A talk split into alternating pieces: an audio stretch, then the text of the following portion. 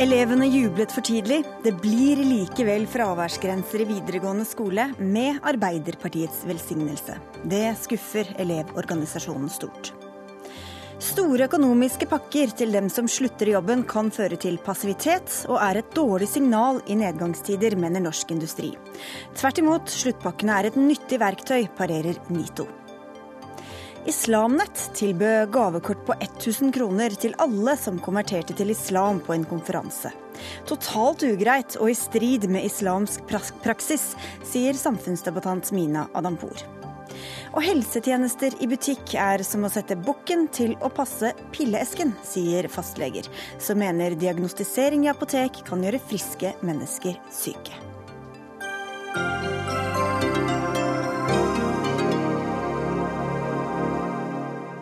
Og det er bare noe av det som står på programmet i dagens utgave av Dagsnytt 18. Jeg heter Sigrid Solund. I forrige uke jublet tusenvis av elever da Arbeiderpartiet sa nei til regjeringas forslag om fraværsgrense i videregående skole. Men de jublet for tidlig. For etter mye fram og tilbake om nasjonal fraværsgrense, er et flertall i utdanningskomiteen likevel blitt enige om å innføre en sånn grense. I mai demonstrerte tusenvis av videregående-elever mot en ny fraværsgrense i skolen. Men nå ser det altså ut til at det blir noe av likevel. Raman Chaudhry, du er politisk nestleder i Elevorganisasjonen.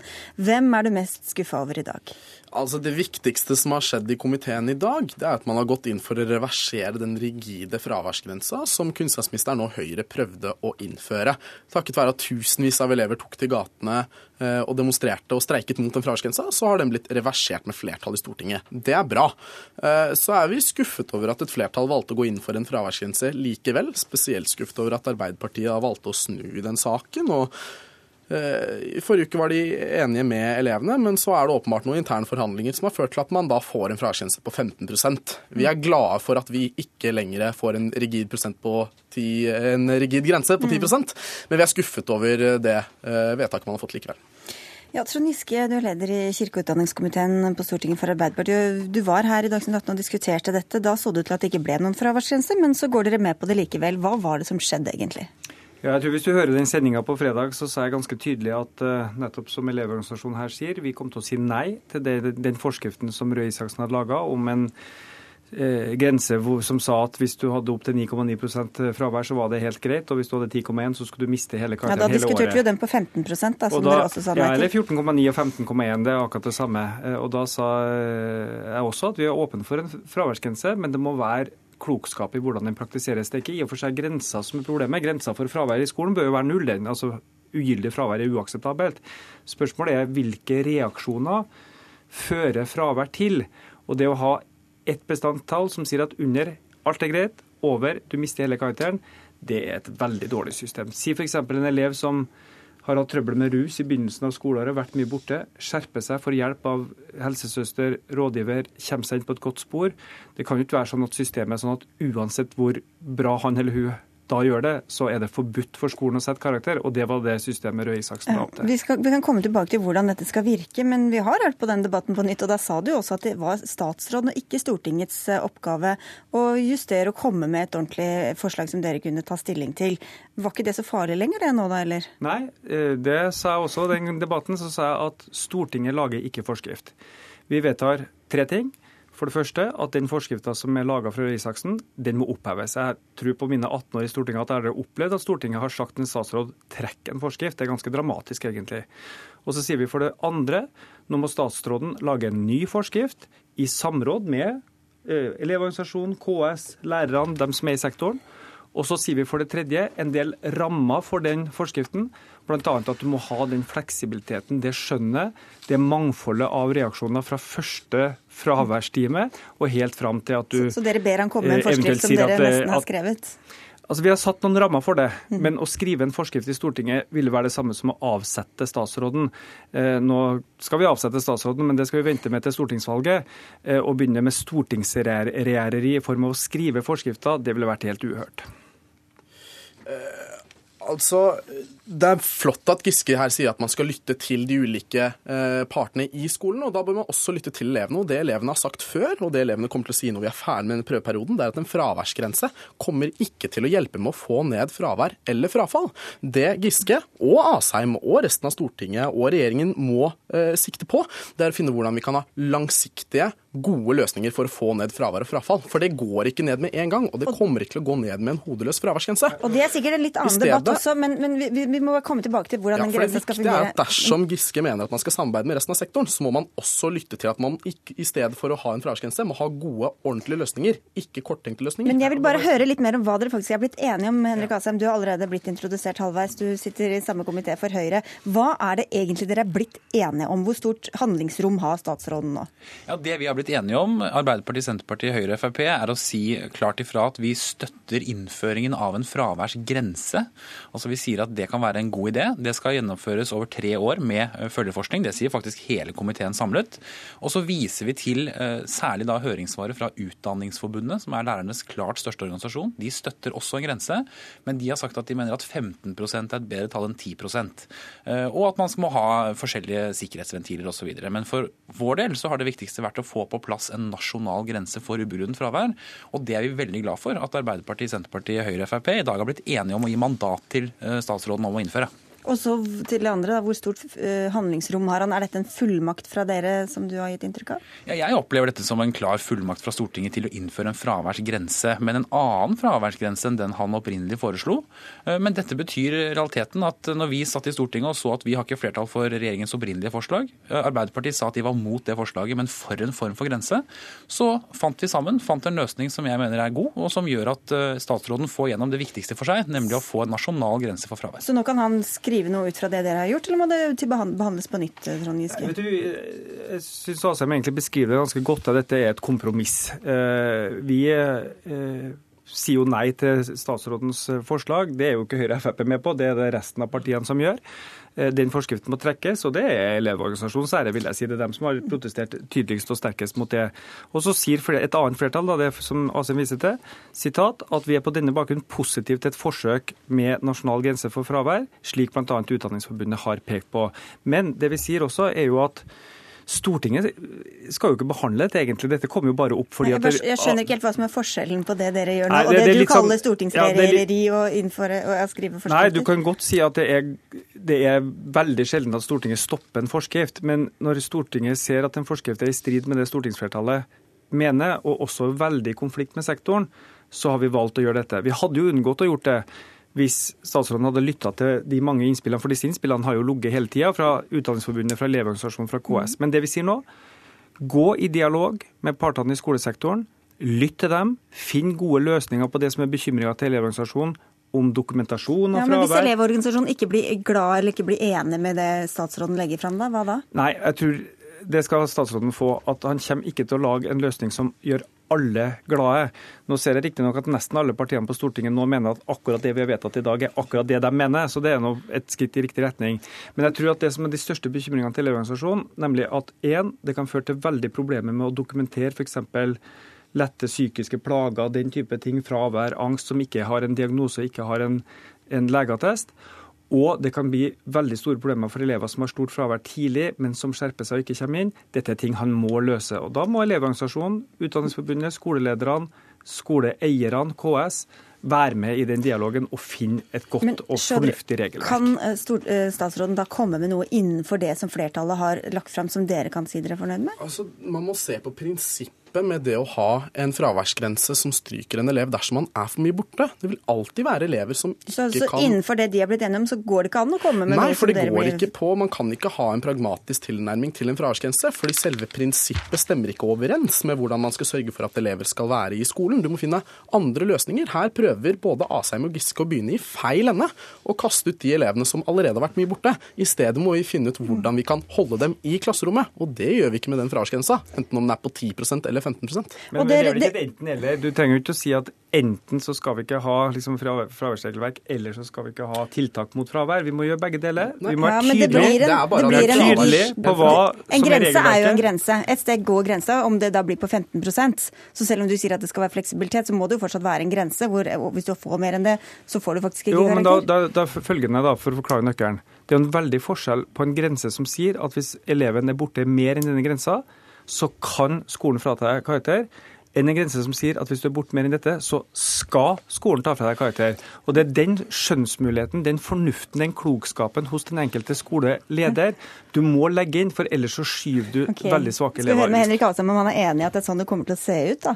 Altså Jeg tror vi mister en del lyttere på denne diskusjonen som handler veldig om sånn, hvem gjorde hva når. Det, er ikke, ikke det, det denne diskusjonen har handlet om, i hvert fall ute tror jeg, i skolen, det er skal vi eller skal vi ikke ha, som du helt riktig sier, en fraværsgrense, et tall. Eh, og det har vi nå fått flertall for i Stortinget. Det sier Arbeiderpartiet, Senterpartiet, Høyre, Frp ja til.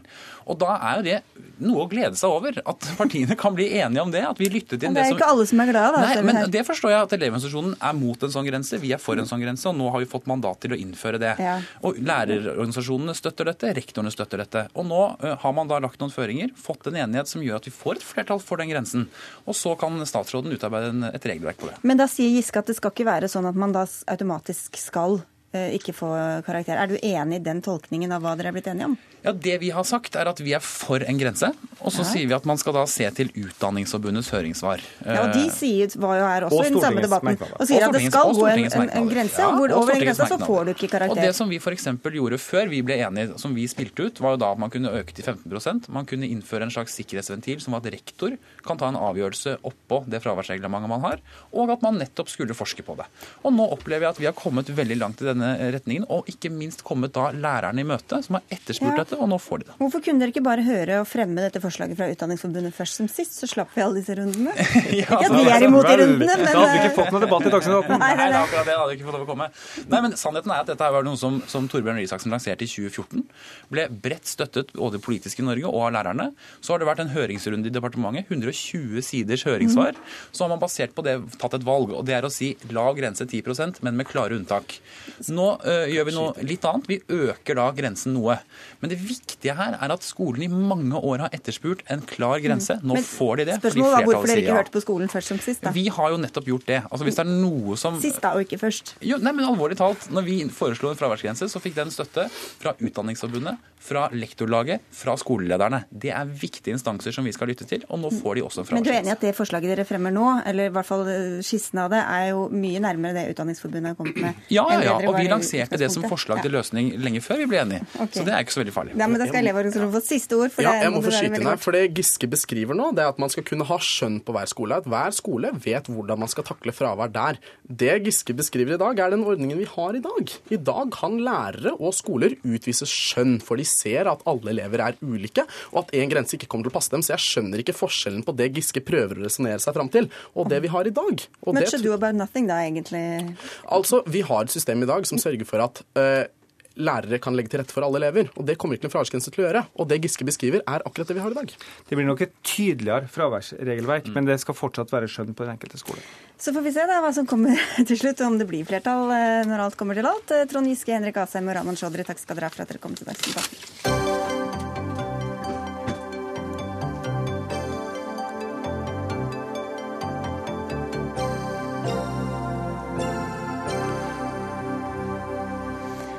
Statoil gjør det, Telenor har gjort det, og Forsvaret og NRK de tilbyr de ansatte muligheten til å søke sluttpakker. Økonomisk kompensasjon for å slutte i jobben frivillig. Pakkene varierer i størrelse. Statoil opererer med opptil 24 måneders lønn. Telenor tilbyr opptil 21 måneder, og Forsvaret vurderer ifølge Dagens Næringsliv opptil 36 måneder. I morges hørte vi både arbeidsgiverorganisasjoner og nedbemanningsrådgivere i NRK kritisere nivået på sluttpakkene i arbeidslivet. Og Stein Lier Hansen, du er leder i arbeidsgiverorganisasjonen Norsk Industri, og du sa til NRK i morges at dette er på en måte å gi feil signal. Hvilket feil signal er det som blir sendt med disse pakkene? Jo, fordi at eh, Rent prinsipielt så kan du gjennomføre en nedbemanning i henhold til norsk lov, og du kan gjennomføre gode prosesser, og du kan nedbemanne uten å måtte tilby sluttpakker. Og Derfor så må vi ikke skape et inntrykk i befolkningen at hver gang det skal nedbemannes, er det nærmest et slags rettighet du har til å bli tilbudt en sluttpakke, for sånn er det ikke. Så vi er redd for smitteeffekten i forhold til hvordan ulike organisasjoner bruker sluttpakker. Mens minnemedlemmer f.eks., som er nedbemanna med opp mot 40 000 nå på halvannet år, klarer det uten sluttpakker og gjør det uten at det blir konflikter på arbeidsplassen. Men hvordan går det utover dem hvis f.eks. et solid økonomisk selskap som Statoil tilbyr sine ansatte sluttpakker? Ja, Det er fordi at du skaper et inntrykk av at eh, det er den rette måten å gjøre det på. og Da får du en smitteeffekt, og det er den vi er redd for. Og så er vi liksom opptatt av at eh, vi har et eh, sosialt sikkerhetssystem i Norge gjennom det offentlige. Sånn at du er på en måte sikra veldig gode ordninger i Norge, selv uten en sluttpakke. Men jeg skal innrømme det at sluttpakker kan være så mye, sånn at innretningen på sluttpakkene kan være vel så viktig som å diskutere bare prinsippet. Trude Skogesal, du er visepresident i NITO, som er landets største organisasjon for ingeniører og teknologer med over 81 000 medlemmer, og en del av disse sluttpakkene havner vel hos dine medlemmer. Hvorfor skal bedrifter bruke masse penger på å få folk til å slutte når det ikke er behov for å ha dem ansatt lenger? Det vi mener er at når det er muligheter for det, eh, og det bør gjøres riktig, så, er, så mener vi at eh, sluttpakker kan være en veldig god løsning for å få en ryddig prosess. Og Det er det aller viktigste stikkordet her. Det er en ryddig prosess. Det at man bruker de tillitsvalgte i samarbeid Eh, i, lokalt på arbeidsplassen. At man klarer å få til de gode dialogene der for å bestemme om det skal være en sluttpakke eller ikke. Da kan man klare å få en trygghet i den prosessen som er vond for alle. Og sikre at de kan få en mulighet til å komme seg videre i, i arbeidslivet. Men hva med signalet det sender da, i disse nedgangstider? Hvor skal man bruke masse penger på det? Eh, dette er jo en, eh, en, vurdering som gjøres lokalt hos hver enkelt bedrift. Eh, vi kan ikke si at dette skal være en løsning eller ikke skal være en løsning. Dette må hver enkelt bedrift vurdere ut ifra sin økonomiske situasjon om dette er et tiltak de ønsker å bruke eller ikke. Og så kan man slippe unna mye støy og konflikt, Lier Hansen? Ja da, det er helt åpenbart. Men som arbeidsgivere så tror jeg vi også må tørre å ta noen konflikter fra tid til annen. For det er tøffe tider mange steder, og vi må ikke skape inntrykk av at vi liksom har Eh, mer ledige ressurser enn det vi har. Eh, og jeg er også redd for at hvis sluttpakkene er for gode, går over for mange måneder og ikke har en innretning i forhold til kompetansebygging og karrierebygging, at de faktisk kan passifisere den ansatte som får en sluttpakke. Og det kan innebære at det tar lengre tid før vedkommende kommer i jobb igjen. Altså en slags innelåsingseffekt. Ja, At man venter et år kanskje med å begynne å søke jobber fordi man har så gode vilkår? Det er ikke inntrykket vi sitter med. Vi, eh, vi, opplever at eh, våre medlemmer som får eh, de tilbudene, og andre, de bruker dette som en startkapital for å komme seg videre. Og er, Vi sitter jo òg med en undersøkelse blant våre medlemmer som sier at mange sitter med en god idé som kan bli ny, eh, ny eh, næring. Men de tør ikke starte opp pga. de økonomiske forholdene. Og dette er absolutt en mulighet for å kunne komme seg videre. Mm. For Det er sikkert mange som kvier seg for å slutte i jobben. Så hvorfor ikke bruke dette som en måte å smøre hele systemet på få fart i de overgangene? Jo da, og det er jo for så vidt det positive argumentet som eh, gjør at dette er en eh, komplisert debatt. Men jeg vil jo si at uh, i den grad en skal bruke sluttpakker, så vil jeg anbefale at en bruker det på en måte som gir den ansatte starthjelp. Enten det er veiledning i forhold til hvordan du skal komme inn i arbeidslivet, tenke gjennom karriereplaner og gjerne få kompetansepåfyll. Altså det at det er en mer aktiv bruk av sluttpakka enn at det bare er en forlengelse av lønna fra en bedrift etter at du har slutta. Er det inntrykk at mange bruker det bare som en måte å kvitte seg med ansatte på, rett og slett? Ja, altså Det blir jo sagt her også fra NITO at det blir jo brukt for å smøre eh, kan du si, prosesser som jo ofte er konfliktfylte. Eh, og det er der jeg mener på vegne av arbeidsgiversida at vi må tenke oss godt om, sånn at vi ikke blir så opptatt av å smøre den type prosesser at det blir oppfatta nærmest som rettighet, for det er det nemlig ikke. Og industribedriftene som er medlem hos oss, de gjennomfører altså dette uten konflikter og uten sluttpakker. Iallfall ikke den type sluttpakker som er referert i starten av programmet. Ja, altså, vi opplever ikke at dette er ren smøring. Vi sier at når det er fornuftig eh, å tenke at dette kan være ett av midlene som kan gjøre en ryddig prosess, så er det viktig å tenke at, eh, at sluttpakke kan være en god løsning. Og det er klart at Vi er helt enige om at vi er opptatt av, opptatt av å få flest mulig i arbeid. Eh, det er ikke meningen at dette skal være en hvilepute for noen som helst. og vi tror at eh, at det senker konfliktnivået. Vi så i Dagens Næringsliv i går at det, det, har aldri vært så mange arbeidskonflikter og arbeidsrettssaker som det er nå. Og vi tror at eh, sluttpakker kan være en av de tiltakene som kan bidra til å løsne på dette. Men hvis, du, altså, Blir det da sånn som Stein Lier Hansen sier, at man kan få forventning om at man skal få en sluttpakke? Selv det, man, man har ikke krav på det, men at det blir liksom en sånn uh, samla forventning i samfunnet? Nei, jeg tror ikke det blir en samlet forventning. Jeg tror at eh, der vi klarer å få til de gode forhandlingene lokalt, når arbeidsgiver og arbeidstaker eh, diskuterer hvilke kriterier som skal gjelde i en nedbemanningsprosess, så er sluttpakker en av de, eh, et av de midlene som blir diskutert og vurdert.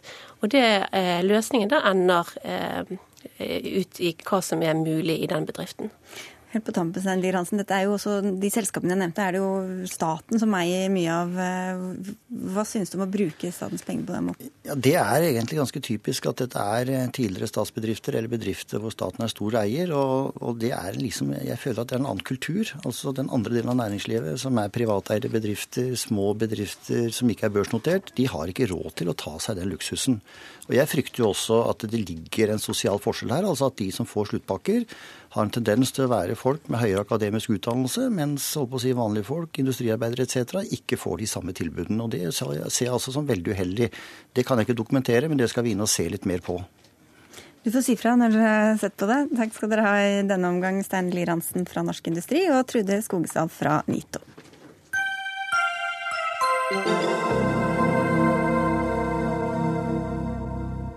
Bermuda, Cayman Islands og Monaco er avanserte, velfungerende og demokratiske samfunn som har en viktig rolle i internasjonal forretningsvirksomhet. Det kunne vi lese i et innlegg i Aftenposten her om dagen, i kjølvannet av debatten om Panama-avsløringene, som avdekket hvordan statsledere, kriminelle og politikere har kjøpt seg hemmelighold og gjemt unna penger i såkalte skatteparadiser. Men du skriver i det nevnte Aftenposten-innlegget altså et forslag for nettopp en del av disse, nei, forslag forsvar skulle det være, for nettopp en del av disse landene Anne eh, Herbjørn Hansen, du er eh, reder i Nordic American Tankers Limited og går ut mot det du kaller norsk skattemoralisme. Hvorfor gjør du det? Jeg gjør det fordi at kunnskapsløsheten kjenner ingen grenser. Jeg kjenner disse tre landene veldig godt gjennom akkurat 42 år. Og det er vel eh, demokratiske steder der på Bermuda er de sorte sammen med de hvite. Harmoni, demokrati. Statsministeren på Bermuda han var i mitt styre i 20 år. Uh, Sir David Gibbons, uh, som ble utnevnt av uh, dronning Elisabeth. Og jeg blir liksom litt fornærmet når Jeg skal ikke si skattedirektøren skriver at Bermuda er en røverhule. Men Bermuda er et meget avansert samfunn. Og du all verden hvor skikkelig det er. Jeg er blitt forsøkt bestukket to, to ganger i mitt liv. Begge gangene var i Norge. Og en som ville gi meg en robåt. Og jeg sa jeg er ubestikkelig, og jeg har robåt. Og så var det en som ville gi meg et kjøleskap, og jeg sa jeg er uh, ubestikkelig. Dette med Panama, det er oppblåst, noe voldsomt. Men jeg kan, kan komme tilbake til det. Jeg har fraktet olje over hele verden i 42 år, mer eller mindre hele tiden, og kan veldig mye om dette. Og dette er veldig gode jurisdiksjoner. Du nevnte skattedirektøren fordi var, innlegget ditt var et slags svar eh, fra et innlegg fra nettopp deg, eh, Hans Christian Holte. Du er skattedirektør, eh, og du ble beskyldt for å være for opptatt av å tette skattehull. Hva sier du til resonnementet fra Hansson her? Jo, jeg jeg tenker jo at det er helt riktig at jeg er opptatt av å tette skattehull. Eh, og det ser jeg på som en, en veldig viktig del av den jobben jeg har, faktisk. Eh, fordi det er jo riktig som Hansson sier, at eh, det finnes svært mange land med, med gode jurisdiksjoner som, som, for så vidt har, har sitt på det tørre. Det som er mitt hovedanliggende, og som fremgår ganske tydelig i den kronikken, det er for så vidt hemmeligholdet som er knyttet til Eh, en del av eh, disse landene. Eh, og som da fører til den situasjonen som jeg mener Panama-papirene viste ganske tydelig er uheldig. Mm. Og det er en type hull som ikke bare jeg, ikke bare norske skattemyndigheter er opptatt av å håndtere, men for så vidt alle eh, land internasjonalt eh, er veldig opptatt av å, å finne bedre løsninger. Ja, du beskrev et eh, harmonisk samfunn, men hva har det med at svarte og hvite lever sammen, f.eks., hva har det med saken å gjøre? At, saken har med det å gjøre at vi skal ikke gå rundt med pekefingeren, ikke skattedirektørene og ikke andre, og si nå må dere gjøre slik. Jeg kjenner godt til OECDs reglement og sånn. Og jeg liker skattekonkurranse. OECD liker ikke skattekonkurranse. For da ser vi politikerne i kortene. Korrupsjon er et alvorlig problem. Og når det gjelder disse jurisdiksjonene vi snakker om, så er det totalitære regimer som står bak det. Dette er harmoniske eh, selskap, nei, land der vi har mye å lære. Og basert på det du sier, hva er et skatteparadis, herr skattedirektør? Hva er et skatteparadis? Den vanlige definisjonen på et skatteparadis eh, som vi også legger til grunn, det har eh, for så vidt to hovedegenskaper. Eh, det ene er at det er et svært lavt skattenivå. Det andre, og som jeg har vært svært presis på i mange sammenhenger, er det jeg er opptatt av å bekjempe, det er nettopp hemmeligholdet. Eh, og da er dette hemmeligholdet som vi hva, mener, er, hva, mener er utfordrende. Stråselskaper osv.?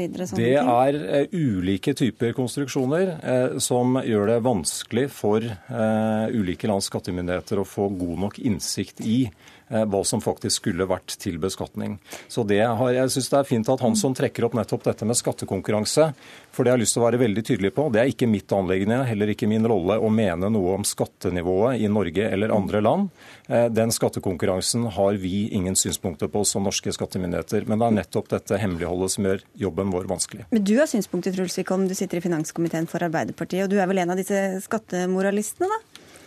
Altså Hvis moralisme på skatt er å mene at vi skal betale, altså behandle Hansson og folk som jobber på eldrehjem eller for den saks skyld har en vanlig snekkerjobb likt, at man skal eh, betale skatt for det eh, man gjør, så kan du kalle meg en skattemoralist. Det er vel rederne faktisk veldig godt eh, behandlet i norske skatteregler, men Det kan du si. sånn at hvorfor man, hvorfor man er så lei seg, det er jo et annet spørsmål. Men jeg er veldig enig i den beskrivelsen som, som skattedirektøren har, og fra Stortingets side så har ikke vårt førsteanliggende vært å gå i debatt eller angrep på andre lands skattenivå, men det er nettopp dette hemmeligholdet som jo muliggjør en hel del eh, ting. Det skjuler egentlig eiere. Eh, det skjuler hvilke selskap som er nærstående hverandre. Eh, og det muliggjør at selskap som jo er i samme konsern eller eid av samme person, kan handle med hverandre og altså, utnytte det at skattemyndigheter og andre ikke er kjent med dette, Eh, og få store eh, fordeler eh, av det. Og det er nettopp dette disse landene er satt opp for, å kunne muliggjøre for bedrifter og enkeltpersoner. Jeg bare synes det er viktig å si, Siden Hansson sier at vi skal ha respekt for disse landenes skattesystem. Veldig ofte så har man en todeling av skattesystemene. En for de innbyggerne som bor der, og en for de som kommer utenfra og som velger å benytte seg av dette hemmeligholdsjurisdiksjonen. Det systemet er jo laget nettopp for å utnytte eh, skattesystemene i eh, si, eh, mer etablerte vestlige demokratier. Så det er ikke skattenivået, det, det, det men det stemmer altså ikke det han sier når det gjelder Bermuda, når det gjelder Cayman Island, når det gjelder Monaco. Det jeg har uttalt meg om. Statoil, oljefondet, Norfund, Statkraft er jo i disse områdene, og de har viktige internasjonale funksjoner å, tjene. Det er veldig viktige Bermuda er et forsikringssenter. Cayman er litt av det samme. Og, og, og jeg har kontor, og vi har kontor i Monaco. Det er ekstremt nøye. Det er mye mer nøye enn i Norge. I tell you, altså. Og du var ni år når jeg begynte i denne businessen, og du var ikke født engang. Jeg har holdt på med dette siden 1974, jeg. Men, kan det være, men, men, du er ikke enig, du går ikke med på at det brukes som, altså som land til å skjule unna? Og... Nei. Svaret er nei. Ikke de der jeg kjenner. Nei, jeg må jo uttale meg om de og greier. Men det er totalitære regimer, og det er korrupte regimer. Jeg har feitet internasjonalt med, med korrupsjon, som er kanskje det største svøpen vi har internasjonalt. Og det er det som ødelegger. Men når Norfund gjør det, og oljefondet gjør det, og Statoil Det går for langt å gå inn på dette, men jeg blir litt fornærmet uh, når de angriper quote mm. indirekte. Men er det bevist da, bl.a. gjennom disse Panama-papirene at det brukes til kriminelle handlinger også, Holte? Jeg har sagt at det er, det er, tidlig å trekke veldig klare konklusjoner om hva faktisk Panama-papirene viser. Eh, det vi har sett, er jo at det har skapt eh, veldig store konsekvenser allerede internasjonalt, hvor det har vært mange sentrale politikere bl.a. involvert. Og det er jo ikke bare i totalitære regimer. Island var jo det første klare eksempelet på en stor politisk effekt av nettopp disse avsløringene. Men det er, det er åpenbart sånn eh, at vi ser eh, generelt at eh, internasjonal beskatning eh, har sine utfordringer knytta til det kompleksiteten som faktisk ligger der, og de ulike landenes eh, håndtering av det. Det jeg er veldig glad for, er på en måte den oppmerksomheten som har kommet knyttet til denne type avsløringer, og også den politiske viljen som viser seg å være både nasjonal og internasjonalt for å, for å håndtere dette. Men er det for lite respekt, sier Wickholm, overfor disse landene som bare velger en annen måte å innrette skattesystemet sitt på? Jeg tror mange av disse landene eh, har eh, med også eh, god hjelp fått satt opp skattesystemer som er laget nettopp for å, å kunne skjule selskaper og utnytte skatteregler i, i andre land. Det er Men mens lav skatt er OK, altså skattekonkurranse er greit? Så hadde vi jeg tror det er noe av det Panama Papers viser, da, eh, er at eh, folk, eh, når de ser hva som foregår, Eh, reagerer ganske kraftig på det. Og, og kan si, Jeg kan godt si at lav skatt er greit, men jeg tror at det, det, vil ikke bli akseptert. Eh, og det er jo nettopp det man ser da når man river ned disse murene. Så ser man selskaper, enkeltpersoner, myndighetspersoner som har benyttet seg av eh, å gå utenfor de vanlige reglene og få veldig lav skatt. Det blir ikke akseptert når David Cameron gjør det, det blir ikke akseptert på Island, og det blir ikke akseptert når multinasjonale selskaper bruker den type ordninger. Og de må på en måte stå til rette for de samfunnene eh, de er i, og de har vært vant til å kunne skjule seg bak eh, selskapskonstruksjoner og lovverk i disse eh, skatteparadisene, om du vil. Nå har han som funnet fram en gulnet avis her. Ja, nei, det er, det er Financial Times som skriver i 2009 at Bermuda er et eksempel. Men det du sier det stemmer ikke for de jurisdiksjoner jeg har nevnt, altså. Jeg tror dette med Panama Papers, det er en avisand. Eh, nå skal ikke jeg være slem med deg, men, men det er skapt i betydelig grad av media. Jeg tror alt sammen av det forsvinner opp i luften. Det er jeg ganske sikker på. Bare vent når vi får roet det hele ned. Denne debatten har vi hatt i 80 år. Erling Næss, Erling Dekke Næss, bror til professor Arne, han registrerte hvalfangeriet Vikingen i Panama i 1930. Og her fremstiller det som noe nytt. Det er ikke det. Du har vært med noen få år byråkrat hele livet. Ikke noe galt i det. Jeg har vært forretningsmann hele livet. Og vi har helt ulike synspunkter. Vi må gjøre det skikkelig. Skjønner. Vi får to sekunder på slutten her. Holte. Eh, ja. kommentar fra han som ikke for så vidt har vært byråkrat hele livet, eller hele arbeidslivet, for den saks skyld. Men, år, sa jeg. men, eh, men eh, jeg vil bare si og gi Hansson rett i et viktig poeng, og det er at mange av de tradisjonelle skatteparadisene endrer seg faktisk, og de gir oss informasjon etter hvert. Så det er en helt riktig beskrivelse det er han som kom med for, for enkelte av disse skatteparadisene. Det blir bedre. Men Det blir bedre for mange land, men det er fortsatt mye som gjenstår. OK. Uh, ja, du så ut som du hadde slengt til, men uh, Nei, Det er bare viktig å si at dette begynte jo ikke med, med, Panama Papers. Dette har jo vært, som han som nevner, et arbeid som har gått, på, pågått veldig lenge i OECD, bl.a. Uh, jo, men, uh, men, det har vært en økt bevisst på det, særlig etter finanskrisen. Og det kommer nok til å føre til enda strengere regler og enda mer tetting av hull, sånn som Hansson ikke vil ha. Hmm. Jeg vil, jeg må, må ikke snyte på skatten. Jeg er Sandefjords største skattyter, tror jeg. Og jeg betaler alle for barnehagene og alle de tingene som dere bevilger. Du, vi får takke på vegne av fellesskapet. Litt moral inn på slutten her. Takk skal dere ha, alle tre. Herbjørn Hansson, Hans okay. Christian Holte og Truls Wickholm.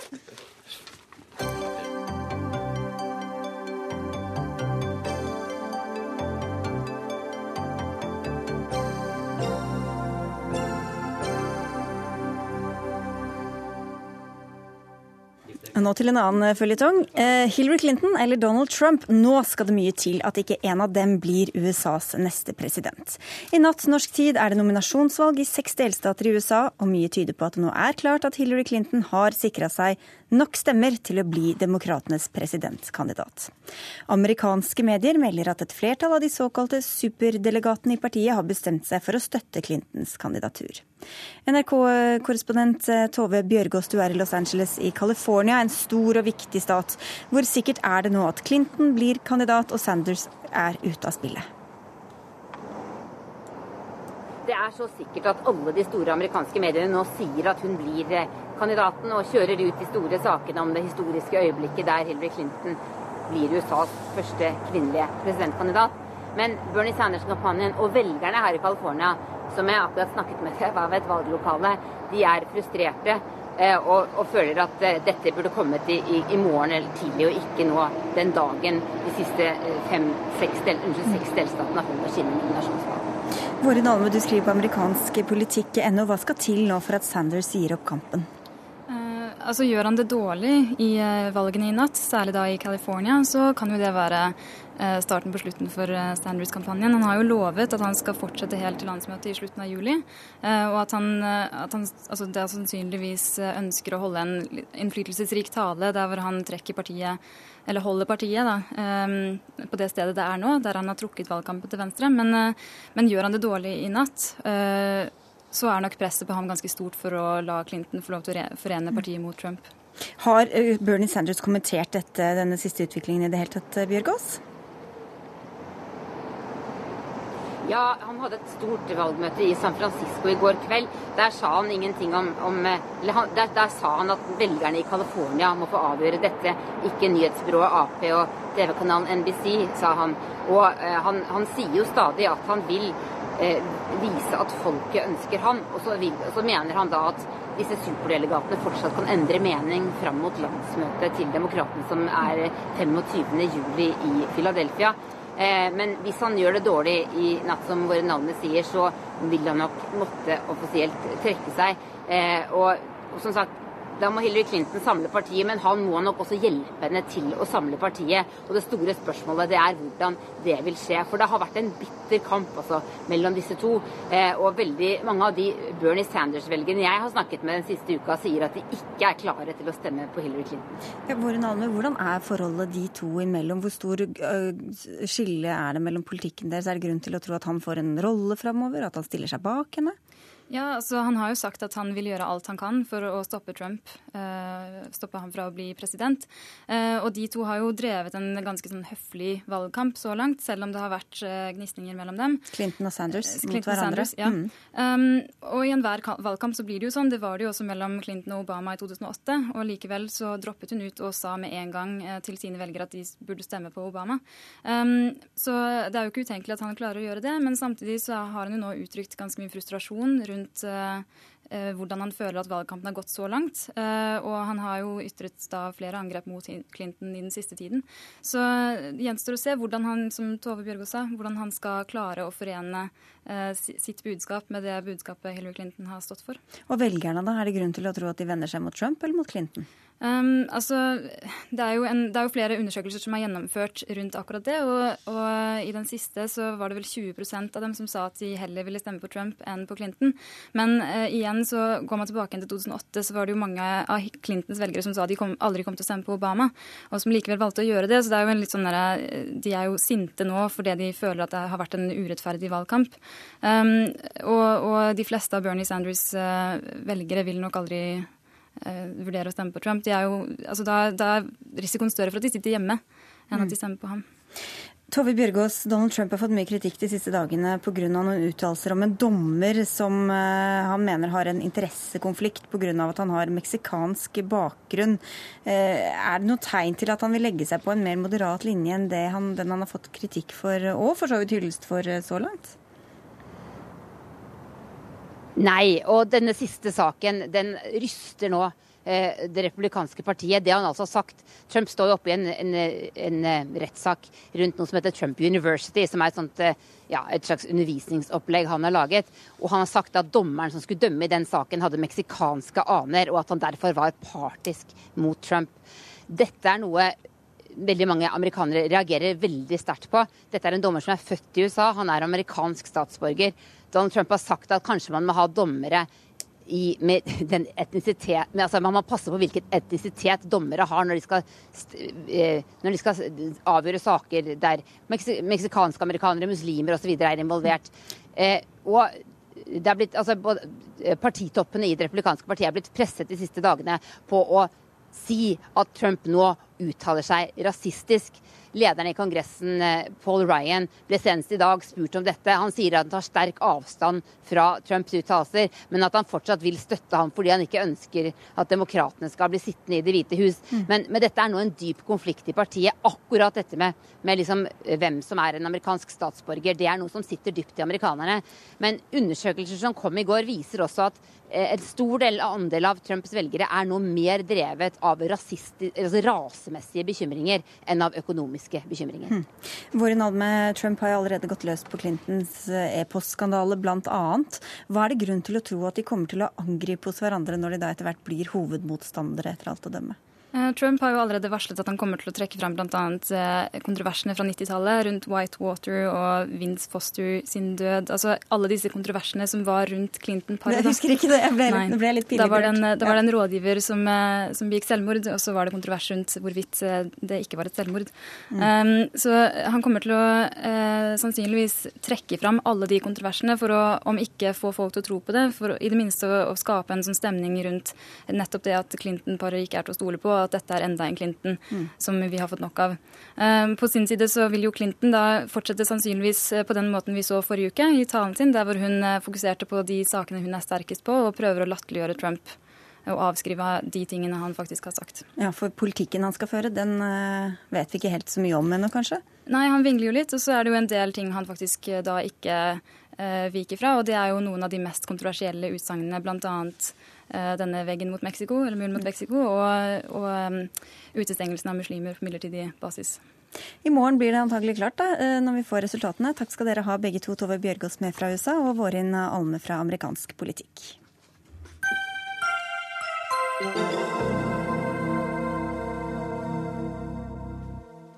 Hvorfor skal apotekene få drive med legetjenester når legene ikke kan få drive apotek? Det spurte to fastleger om i en kronikk i Klassekampen i forrige uke. Når apotekene kan teste for høyt blodtrykk og høyt kolesterol, og deretter selge medisinene som skal hjelpe, blir det som om bukken eh, passer pilleesken, skriver dere. Morten eh, Laudal, du er fastlege og en av kronikørene her. Jeg vet ikke hvor interesserte bukker er i pilleesker, men eh, utover det, hvorfor er det så prinsipielt problematisk at apotekene skal stille enkle diagnoser og så selge medisinene for dem? Fordi det er et vanlig prinsipp i Norge og i mange siviliserte land at de som stiller diagnoser, ikke skal selge behandlingen. Eh, slik at For leger så er det ikke lov å eie eller drive apotek. Og i Norge i hvert fall så er det slik at leger selger jo ikke medisiner til eh, pasientene sine fra privat lager, sånn som vi ser i enkelte andre land. Og når det er gjort en slik eh, tydelig distinksjon i lovverket på det, så syns jeg det er rimelig at det samme gjelder i apotek. Der har de selvfølgelig fortjeneste av å selge medikamenter, og det skal de ha. Men eh, da bør de holde seg unna ting som kan ligne på diagnostikk. Hvordan kan det gå utover eh, pasientene eller de som oppsøker apotekene, da? Ja, øh, dette er noe som vi av og til kaller villscreening. Altså hvor man innbyr friske mennesker uten noen plager til å få helsa si undersøkt på en eller annen måte. Det er som regel ikke hensiktsmessig. Hvis du kommer inn på et apotek frisk og fornøyd og har det bra, og går ut igjen eh, med en forståelse av at det er noe galt med en eller annen måling som er gjort der inne, så mener jeg apoteket har gjort en dårlig jobb. Da har de gjort om en frisk, fornøyd person til en engstelig person som tror kanskje han er syk. For å ta det første først, eh, Sveinung Steinsland. Du er stortingsrepresentant for Høyre og farmasøyt også. Eh, og dette er fullt lovlig. Stortinget har til og med ønsket at apoteket i større grad skal eh, veilede folk. Det er jo hard konkurranse apotekene imellom. De skal tjene penger. Hvordan kan man vite at ikke det ligger økonomiske insentiver bak det de da råder og selger? Stortinget har vedtatt at apoteket i større grad skal veilede folk om riktig legemiddelbruk og sørge for at de som kjøper medisiner, forstår hvordan de skal bruke dem. Stortinget har ikke vedtatt at uh, apotek skal leke lege. Det er det klare begrensninger for både apotekforskrift og Men det de gjør i dag, er greit? Det, det gjør i dag er greit, og jeg kjenner meg virkelig ikke igjen i den beskrivelsen som her framkommer. At uh, apotek nærmest pusher, pusher testing av blodsukker og blodtrykk på pasienter. og Eh, senest i dag har jeg gjort noen undersøkelser. Det er veldig få apotek som gjør dette. og Ofte så er det da kampanjer sammen med Diabetesforbundet eller Hjerte- og lungeforeningen som av og til har kampanjer for å rette søkelyset om sin lidelse. For det er et faktum at svært mange mennesker i Norge går rundt med diabetes og høyt blodsukker uten at de vet om det. Og Diabetesforbundet har, har initiert kampanjer for at flere skal være bevisst rundt det. Men den beskrivelsen som kommer her, at apotek først tester folk, og så selger de legemidler, den er riv ruskende galt. For det er ingen i Norge som får kjøpe legemidler mot høyt blodtrykk uten at de har resept fra en lege. Det er legen som skriver ut, og apoteket de leverer ut etter legens ordinasjon. Sånn skal det være, og sånn vil det være i framtida. Ja, hvor utbredt er dette egentlig, da? Jeg håper at det ikke er utbredt, og jeg tror ikke det er veldig utbredt. Men vi får stadig meldinger om det, at uh, dette forekommer. Og det spiller ingen rolle om det er Diabetesforbundet eller andre som har initiert dette. Villscreening er virkelig ikke bra. Uh, og det er ikke hensiktsmessig å gå rundt og måle blodsukkeret til folk som ikke har bedt om det, og som ikke har noen plager. Det fører til at uh, folk som tilfeldigvis har, får et høyt blodsukker, de får muligens Eh, sukkersykediagnosen sin noen år før og blir værende pasienter to år lenger enn de ellers hadde vært, uten at de har noen glede av det. Så det har ikke noen forebyggende effekt? For Nei, ingen forebyggende effekt. Det er ingen som har klart å påvise at villscreening hjelper på folkehelsen eller på enkeltindividers helse. Tvert imot, det kan være skadelig. Det er eh, ikke fint å gå rundt og engste seg over over ting. Og Jeg er enig i det at selvfølgelig eh, er det ikke sånn at du tar en blodprøve og får piller over disk. Det har jeg ikke påstått. Eh, en kan jeg vel få inntrykk av at det er nærmest som bonanza i apotek, at en kaster piller etter folk. Eh, tvert om, så i den diskusjonen som vi har hatt nå, har vi nettopp vedtatt en legemiddelmelding enstemmig i Stortinget, der nettopp dette med apotekets funksjon som rådgiver skal være viktig. At apoteket skal være en viktig lavterskeltilbud for folk. At du ikke skal trenge å bestille time, men komme inn og få hjelp.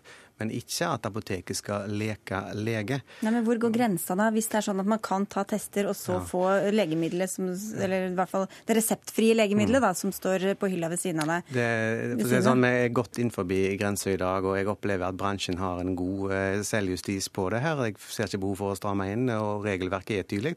Og så må du huske at de som jobber i apotek, det er veldig mange farmasøyter som jobber ute i apotek, de er underkastet den samme kontroll av helsepersonelloven som legene. Har det akkurat samme ansvarlighetsprinsippene som ligger i bånn. Og en skal ikke gi folk tilbud om helsetjenester som det ikke er behov mm, for. Men legene har jo ikke mulighet til å selge legemidler samtidig som de setter en diagnose. Det kan... Det har heller ikke apotekene. De, Nei, men de kan, de kan, måle et eller annet, og så kan de selge deg noe for det som skal hjelpe ja. for det etterpå. Er det ikke noen grunn til å tro at det kan ligge da økonomiske insentiver bak? Nei, det er i så fall et tilbud til pasientene. Du må nesten spørre apotekaktørene om det. Men igjen, hvis apotek gjør disse tingene her, så kan de ikke gjøre noe annet med det enn å påpeke at de har for høye blodsukker. Og for en del for en del pasienter så kan det være nyttig. Kanskje de skal gjøre noe med kostholdet sitt og unngå at de får type 2-diabetes. kanskje. Så kan man jo se for seg at dette avlaster legene, at da kan legene heller ta seg av de mer alvorlige tilfellene f.eks.? Det er et veldig mye brukt argument, og det er helt feil. Eh, når friske mennesker går inn og får målt eh, blodprøver eller andre ting, så vil de veldig ofte oppsøke leger etterpå. Og da blir dette de friske menneskene som kommer og belaster legene istedenfor de syke. Sånn at det å drive villscreening som fører til økt legesøkning, det er en perfekt måte å vri ressurser fra helsetjenesten fra syke til friske. Det er denne, ikke hensiktsmessig. Det er denne påstanden om en villscreening. Jeg tror ikke norske apoteker nå kjenner seg igjen at de blir villscreener. Vi har ganske mange nordmenn som går på apotek hver dag uten at de blir screena for noen ting som helst. Så det, det er en litt overdrivelse i problembeskrivelsen her. Samtidig så hadde vi akkurat samme debatten for 20-30 år siden når apotek begynte å selge graviditetstester. Da var, Fra legehold så var dette her uhørt. Pasienter skulle ikke få lov å kjøpe en graviditetstest ut, de skulle gå til legen og få det sjekka. Jeg tror ingen nordmenn vil tilbake til en tid der de måtte gå til legen for å få bekrefta om jeg var gravid eller ei. For dere er blitt beskyldt noen ganger for å tviholde på egen makt og suverenitet fra legehold? Ja, jeg tror nok eh, at det er riktig, og kan godt hende at det er eh, elementer av sannhet i det. Men det endrer i og for seg ikke ved saksforholdet vi snakker om her. Eh, Villscreening er definert som undersøkelse av friske uten særlig god grunn eh, for å finne eh, tegn til sykdom. Det er ikke hensiktsmessig. Og det forekommer i dag ikke i apotek, så jeg syns den kronikken her er skrevet på litt tynt grunnlag. Det får, vi Ja. får se om fem år da, om vi kan bare publisere den på nytt, om det har gått den veien da. Takk skal dere ha i hvert fall begge to, fastlege Morten Leidal og stortingsrepresentant for Høyre, Sveinung Steinsland. Stensland. Takk.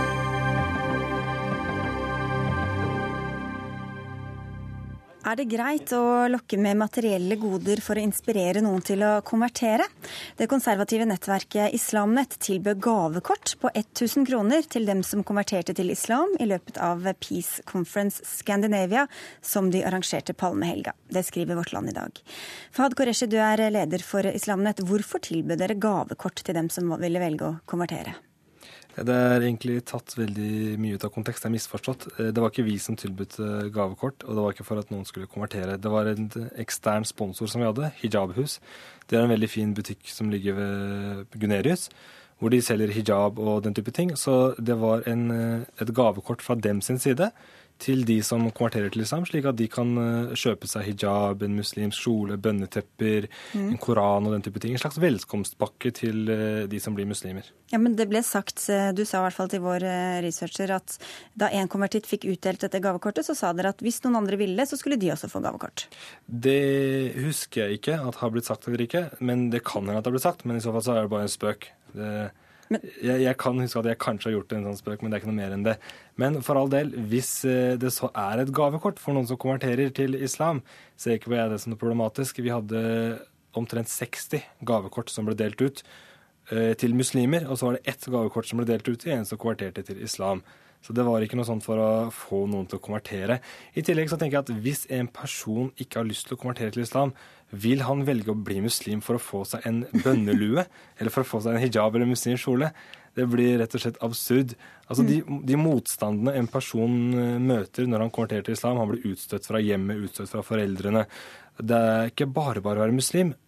Er det noen som kommer til å bli muslim for å få et gavekort for å kjøpe seg en hijab eller en muslimsk kjole? Men det er vel litt Det- prins prinsippet vi snakker om også, da, i tillegg til det praktiske som du nevner. Mida Dampour, du er lege og samfunnsdebattant. Hva syns du om eh, dette løftet om et gavekort? Ja, først og fremst skal det sies at Islamnett gjør veldig mye godt forebyggende arbeid for å, at, for å forhindre at unge norske muslimer faller igjen til IS sin propaganda. Det skal de ha all honnør for, og de gjør også det i samarbeid med politiet. Men når det kommer til denne praksisen, som eh, egentlig eh, blir feil av meg å kalle en praksis, i og med at det har vært et enkelttilfelle hvor Fahd Qureshi nå også måte nyanserer bildet i den grad at han sier at det som ble sagt, var en søk, så er jo det uheldig i den grad fordi det er en organisasjon som står bak, og det muslimske trossamfunnet i Norge er variert, det er mangfoldig, det er stort, og det kan virke som om noen får en sånn et insentiv da kanskje for å heller søke seg til én organisasjon i stedet for kanskje en annen moskétilhørighet, uten at dette på en måte er et samfunnsproblem og kanskje heller er eh, noe som eh, bygger seg opp til, til å bli noe som er mye større enn det det er, fordi det er et voldsomt fokus og en voldsom interesse for omtrent alt muslimer tar for seg. Mm. Men dette prinsippet da med å love et gavekort, eh, eller gi et gavekort i hvert fall hvis noen konverterer, eh, hvordan er det mm, i henhold til islamsk praksis og, og tankegods? I, islam, når man konverterer, så er det en trosbekjennelse som sies, og det er noe som skjer mellom den enkelte og Gud. Eh, man har på en måte ikke et omfattende rituale som noen andre trosretninger har. Og det er en kan man si, litt sånn tabloidsak, en enkel prosess. Sånn jeg også forstår denne hendelsen, så var det ikke et gavekort som ble lovet i forkant av at noen hadde konvertert. Men etter at noen hadde konvertert og ønsket seg opp, til, opp eh, på en konferanse, hvorpå man der ble tildelt av, og så blir det forklart her at det var ett blant eh, 60 gavekort fra hijabhus som ble delt ut. Men spørsmålet er jo hvorfor man i det hele tatt skal friste med materielle goder for å lokke noen inn i en tro som skal være det åndelige, da? Altså, det er, det er ikke noe fristelse i det hele tatt. Hvis en person ikke ønsker å bli muslim, eller hvis en person er tvilende, noe, det vil aldri falle for en fristelse for han, OK, nå får jeg mulighet til å få en hijab, eller nå får jeg en muslim muslimsk kjole eller et bønneteppe. Derfor så konverterer jeg til islam. Det er ikke en fristelse. Det er er mer en byrde å bli en muslim. Å bli en muslim i dag i det norske samfunnet er veldig tungt. Man blir utstøtt fra familien, man blir kastet ut av hjemmet. Og det å si at man blir fristet med et gavekort for å kjøpe seg en kjole, det, det, det, det, det er som å skape en storm i et vannglass. Det er bare mm. absurd. Men hvor går grensa, da? Hva, hva kunne man ha frista med som ikke hadde vært OK? Jeg kan ikke definere noen grense. Jeg vet ikke hva, hvor grensen går, men vi har ikke gjort det. Og vi har ikke noen planer om å gjøre det heller. Det vi gjorde, var som sagt, det var et gavekort som ble gitt til en person som ble muslim, av over 60 gavekort som ble gitt til andre for forskjellige konkurranser og forskjellige aktiviteter vi hadde på konferansen. Det er så å si lagd en storm i et vannglass. Det er ingenting men hvis flere hadde latt seg ønsket å konvertere, så hadde de også fått For all gavekort? del, selv hvis du konverterer i dag, så kan du få et gavekort. Det spiller ingen rolle. Eh, et gavekort er så ubetydelig. Eh, det er en startpakke for, bli, for en konvertitt. Hvor det, er, det er ikke snakk om cash, det er ikke snakk om penger engang. Det er en startpakke hvor du kan få deg en hijab, hvor du kan få deg en bønnelue, du kan kjøpe deg eh, en kufi eller hva det skal være for noe. Så, for cash ville dere ikke gått med på å gi hvis noen eh, Det har aldri vært vår praksis å gi kontanter til noen. Eh, dette var første gang vi i det hele tatt gitt et gavekort, og det var igjen en ekstern sponsor som sto for. Så tross alt. Og de, og de kan godt hende at de gir gavekort nå også, hvis folk vil bli muslimer. Jeg vil anbefale dem. Og en, en viktig ting som jeg presiserer, ingen blir muslimer bare å få et gavekort. Det er folk som gjerne har brukt mye tid, mye research, lest mye om islam. De har kanskje vært inne på finnislam.no. Det er en nettside som vi har. Her kommer reklamen. Vil anbefale deg og alle andre lese på den. Og hvis du vil bli muslim, så kan vi sikkert få ordne et gavekort til deg også, for den saks skyld. ja, Adam Poor.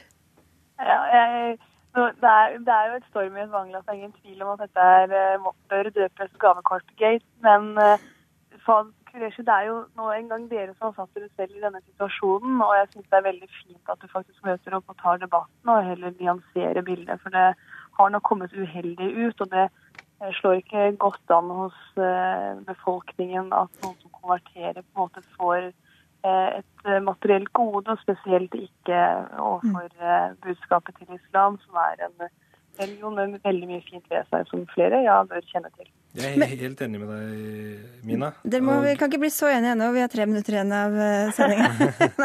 men, men, Adam Poor, altså, hvis man ser for seg norske konfirmanter, så får de ganske mye mer enn et gavekort på hijab til 1000 eh, kroner. Hva er forskjellen på å love noen eh, et gavekort hvis de konverterer til islam, eller å gi dem 30 000 kroner i konfirmasjonsgaver og smykker og mopedlappen osv. hvis de blir, konfirmerer seg? Eh, først og fremst er jo praksisene ved de to, de to ulike hendelsene helt forskjellige. fordi Den ene går på en måte fra eh, enten en ikke-religiøs tilstand over til en religiøs tilstand, eller tro. Og det andre er på en måte en del av eh, kristen ritual og tradisjon, da, med konfirmasjon som ikke har sin nære ekvivalent innenfor islam. Og konvertitter, ja, de møter nok på en del motbør. Man hører det av venner som har konvertert, eller bekjente som har historier. Men samtidig så tror jeg de også finner veldig mye fint. Og jeg tror heller ikke det første for de i den livsfasen er eh, å skulle få noe materielt. Jeg tror at eh, man kan jo si at islam er en veldig billig religion sånn sett, fordi det bare er et bønneteppe som skal til. Og det koster ikke 1000 kroner heller. Men, ehm, men, hvor viktig er disse konvertittene for menigheter og f.eks. Eh, islam? Dette er ikke noen menighet, men eh, å, å vise til oss å få folk som konverterer til sin religion? Altså, det er veldig positivt at noen eh, konverterer til islam, fordi vi ser jo på islam som en fredsreligion. Det gir deg indre ro i hjertet, det gir deg suksess i dette livet og det neste liv. Du kommer ut fra depresjon, du får en mening med livet. Og vi blir jo selvfølgelig glade hvis folk finner, eh, finner sannheten for seg selv. Men det er selvfølgelig et fritt valg. Hvis en person ønsker å bli muslim, så er det hans valg. Hvis personen ikke ønsker det og finner eh, gleden sin på andre måter, så er det vedkommendes eget. Ja, det var egentlig deg jeg spurte om. Ja. Jeg må bare få presisere at eh, eh, islam ikke kurerer depresjon, og de som har depressive symptomer bør søke profesjonell hjelp. På den annen side så er det gjort studier Vel, det er din mening. Allah nevner det i Koranen, så da går du imot det Allah sier.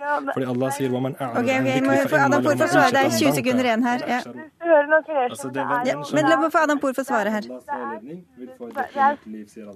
Ja. Det er, det er derimot studier som er gjort, som bekrefter noe på veien av det du eh, er inne på, Fat Qureshi, at muslimsk ungdom ser ut til å være bedre beskyttet mot eh, psykiske lidelser enn ikke-muslimsk ungdom. Så det er helt klart at troen kan nok ha en effekt, men man må aldri blande Ja. eh, religion og vitenskap eller Vet du hva? Vi er, nødt, vi er nødt til å avslutte der. Vi har ikke mer tid, begge to. Vi er nødt til å avslutte. Vi må bare takke for oss, Ida Tune Øresland Finli og jeg, Sigrid Solund. Ønske en god kveld videre.